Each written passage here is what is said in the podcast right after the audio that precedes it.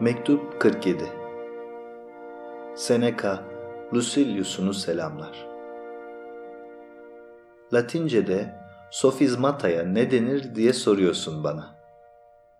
Birçok kişi buna karşılık bulmaya çalıştı. Hiçbirisi tutmadı dilde. Kuşkusuz bu kavramı biz almamışız daha. Adetlerimiz arasına girmemiş de onun için ismine karşı bile bir tepkimiz var.''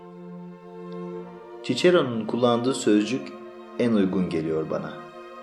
Bu sözcük için caviatio, şaka, kılık kırk yarma demiş. Bunu uygulayan kişi bir sürü ince soru yaratır. Ama yaşam için hiçbir yararı olmayan sorulardır bunlar. İnsan ne daha güçlü olur, ne daha ılımlı, ne de daha yüce. Oysa Felsefeyi kendine bir deva bulmak için kullanan kişinin ruhu geniştir, güven doludur, erişilmez yüceliktedir.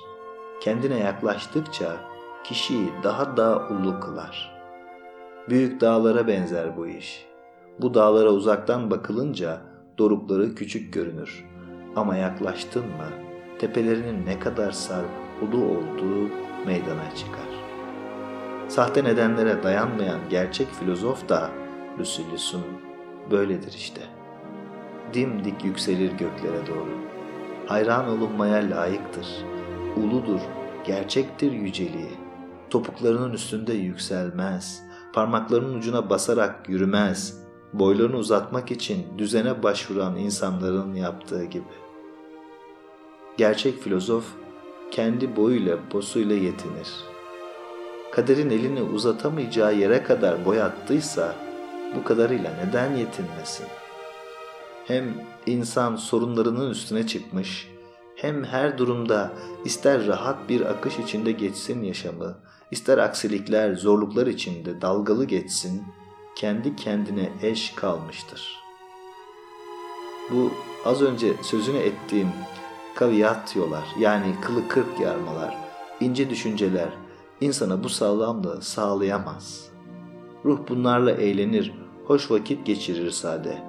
Yararlanmaz bunlardan ve felsefeyi oturduğu doruktan aşağıya, düzlüğe indirir. Ama ben sana bu gibi işlerle zaman zaman uğraşmanı yasaklamıyorum ya, bunlarla hiçbir şey yapmak istemediğin zaman uğraş. Ama bunların çok kötü bir yanları da var.